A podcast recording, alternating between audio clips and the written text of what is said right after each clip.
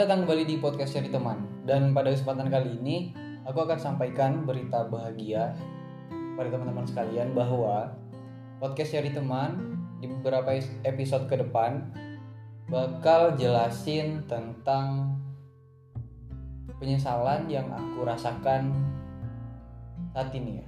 Di umur aku yang Sekarang Desember 2020 Artinya aku sekarang berumur 22 tahun. Masih di rentang 22 tahun. Beberapa penyesalanku di umur 22 tahun ini akan aku coba rangkai dalam beberapa episode ke depan. Dan mudah-mudahan bisa menjadi pembelajaran baik. Baik itu untuk aku pribadi maupun untuk teman-teman sekalian. Karena aku tidak ingin penyesalan-penyesalan yang aku rasakan di, di rentang umur sebelumnya itu terulang kembali untuk aku yang lebih baik. Untuk aku di umur dua sorry untuk aku di tahun 2022 nanti ataupun untuk teman-teman yang lain. Dan kalau misalnya teman-teman saat ini belum mengalami permasalahan ataupun misalnya penyesalan yang sedang yang pernah aku rasakan itu mudah-mudahan teman tidak merasakan itu. Mudah-mudahan teman-teman sekalian tidak merasakan itu dan bisa melakukan antisipasi terhadap kesalahan-kesalahan apa yang telah aku lakukan di masa lalu. Oke, baik pada kesempatan kali ini penyesalan pertama yang ingin aku bagikan kepada teman-teman adalah yaitu bersikap so suci. Jadi dalam buku yang berjudul Menjadi Pribadi yang Tegas, Mudah Memahami Orang Lain, dan Cakap Menyelesaikan Konflik yang ditulis oleh Dale Carnegie, aku menemukan satu kalimat yang sangat menusuk di dalam hatiku. Jadi di sini di dal di dalam buku ini itu menjelaskan bagaimana teknik dalam berkomunikasi efektif dan persuatif gitu ya. Dan salah satu langkah-langkahnya adalah bersikap rendah hati. Atau tidak bersikap sok suci. Kalimatnya berbunyi seperti ini. Tak seorang pun suka pribadi sok suci.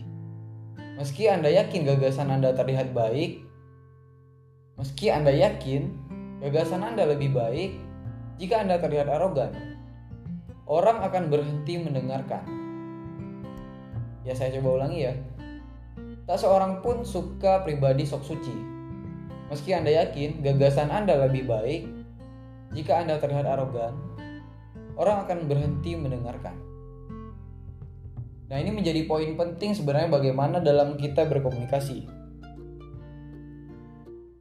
Seperti yang sama-sama kita ketahui bahwa komunikasi atau seni berkomunikasi adalah sebenarnya bagaimana seni menyampaikan informasi kepada orang lain. Ya, artinya berkomunikasi itu adalah suatu seni ya. Dan ada cara yang harus kita lakukan dan pada poin besarnya komunikasi adalah penyampaian informasi. Bagaimana apa yang kita sampaikan itu bisa diterima oleh orang lain. Maka penting sekali di sini kita harus menyentuh hati orang lain. Nah, jika kita tidak menyentuh hati orang lain, maka otomatis apalagi dengan kita bersifat arogan ya atau bersikap arogan seperti yang disampaikan dalam buku tadi dalam kalimat tadi, orang lain tidak akan mendengarkan kita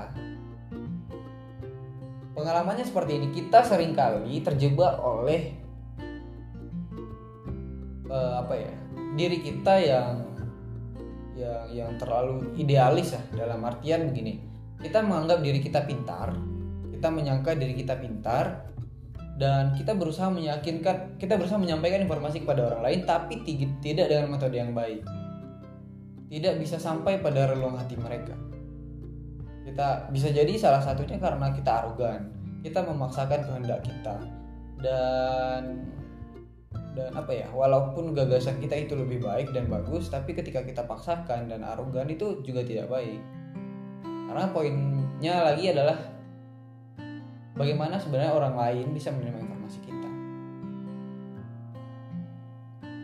Nah, maka penting sekali bagi teman-teman sekalian itu memperhatikan aspek-aspek yang tadi ya, bagaimana orang lain itu bisa menerima kita. Dan tekniknya ya tergantung teman-teman dulu deh. Sebelum kita masuk kepada ranah yang arogan tadi ya kita dulu harus meyakinkan uh, bisa dengan senyuman misalnya dan dan cara-cara yang lain. Nah, bisa teknik-teknik lagi kalau bisa teman-teman digerakkan uh, anak-anak di kami misalnya ya, tentu sangat akrab dengan buku yang bagaimana menyentuh hati. Nah, di sana dijelaskan tuh dan itu salah satu teknik berkomunikasi yang efektif dan persuasif menurutku.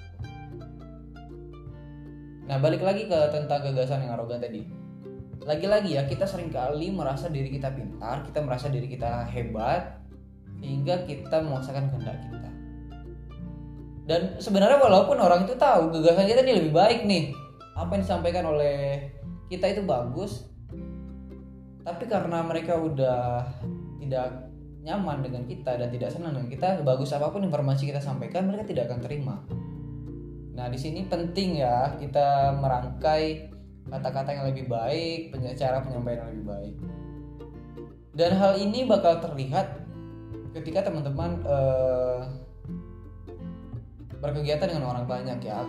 Aku pernah pengalaman satu kali tuh dalam satu tim sejauh apa ya sejauh perjalanan tim itu bertemu sepertinya komunikasinya biasa-biasa saja.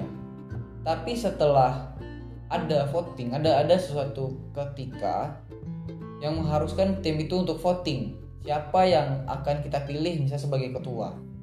Dan setiap orang harus memilih atau menyebutkan satu nama. Nah di situ bakal terlihat tuh bakal terlihat nama siapa yang tidak dipilih oleh orang lain. Nama siapa yang tidak keluar.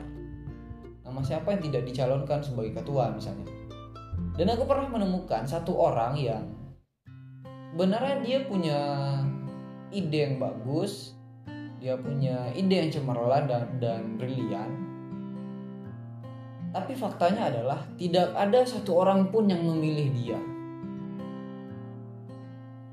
karena di apa ya di catatannya bahwa e, dalam tim itu kita tidak boleh memilih diri kita sendiri. Maka kita harus memilih orang lain. Nah di situ tuh bakal terlihat tuh tidak ada satu orang pun yang memilih dia. Itu setelah dilihat-lihat dan dikaji-kaji itu ternyata karena dia menyampaikan sesuatu atau informasi itu secara arogan dan dan memaksakan gitu. Padahal nyatanya dia punya ide yang bagus nih, dia punya ide yang cemerlang, besar dan bagus dan nyatanya tidak ada orang yang menerima dia. Itu contoh yang pertama. Kemudian contoh yang kedua, ada juga eh, orang-orang yang menyampaikan informasi dengan bahasa yang tinggi. Mungkin itu terlihat keren ya, kita menggunakan bahasa yang kalau misalnya kita bertemu orang-orang kampung misalnya, kita menggunakan bahasa ideal, idealisme, ideologi, intelektual, groskopis, apalagi lah masalah saya seperti itu gitu. Tapi nyatanya itu tidak bagus ya, itu tidak baik Kenapa demikian? Ini aku pernah lihat satu kasus. Kebetulan tadi aku baru ketemu dengan salah seorang adik tingkat di kampus dan dia cerita bahwa uh, di komunitas paguyuban mereka itu kesulitan berkomunikasi dengan orang-orang atau pemuda-pemuda yang ada di desa. Dan dari penjelasan dia, mereka yang kuliah di luar daerah itu ketika menyampaikan informasi kepada pemuda-pemuda yang ada di desa mereka menggunakan bahasa-bahasa yang tinggi sehingga tidak bisa diterima oleh pemuda-pemuda yang ada di desa nah betapa penting sebenarnya kita memperhatikan diksi yang kita gunakan. Kita harus juga melihat siapa audiens kita. Kalau misalnya kita ngomong dengan orang tua kan nggak mungkin kita ngomong bahasa demikian. Kita ngomong dengan pemuda yang tidak kuliah kan nggak mungkin juga kita uh, menggunakan bahasa demikian misalnya. Dalam artian tidak tidak punya pendidikan yang mumpuni ya. Kemudian kalau misalnya kita ngomong dengan e, bahasa demikian itu dengan dosen profesor misalnya ataupun dengan teman-teman mahasiswa aktif lainnya iya bisa bisa jadi dan itu no, no problem atau nggak masalah. Belajar pun dari Rasulullah ya. Rasulullah itu sangat memperhatikan bagaimana teknik komunikasi yang baik gitu.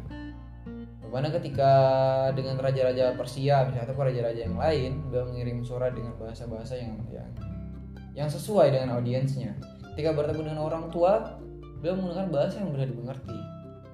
Begitu juga dengan audiens-audiens yang lain, anak-anak dan sebagainya. Nah, ada dua poin itu ya, dua poin yang ingin aku sampaikan dalam dalam berkomunikasi ini dengan studi kasus yang tadi. Mudah-mudahan teman-teman tidak mengalami penyesalan-penyesalan yang aku rasakan. Ini sebenarnya uh, aku juga pernah mengalami ini. Di sisi lain juga di kesempatan tadi aku ketemu dengan teman dan juga uh, di satu tim aku melihat ada demikian. Ya sekali lagi aku pernah merasakan ini dan aku pernah berada di kondisi ini. Ini pesan untuk untuk kita semua ya yang se, yang sejauh ini merasa dirinya pintar dan yang merasa dirinya sibuk misalnya. Yang merasa dirinya paling banyak kerjaan di atas dunia merasa paling paling paling merasa dirinya paling banyak baca buku dan paling banyak bertemu dengan orang lain. Dan nyatanya orang lain tidak suka itu dan tidak butuh itu mereka butuhkan adalah bagaimana diksi-diksi yang kamu gunakan bisa menyentuh hati mereka bisa membuat mereka nyaman dan mereka bisa mengaminkan apa yang kamu sampaikan karena teknik sekali lagi karena poin penting dalam komunikasi adalah bagaimana kita menyampaikan informasi dan itu bisa mempengaruhi urusan orang lain. Semoga uh, semoga episode ini bermanfaat untuk teman-teman sekalian dan mudah-mudahan ini sebagai ajang untuk mengingatkan diri aku sendiri yaitu tentang komunikasi dan sebagainya. Dan sampai ketemu di episode selanjutnya dengan berbagai topik dan pembahasan tentu yang akan lebih menarik di podcast nyari teman yang disampaikan oleh Dorel Effendi.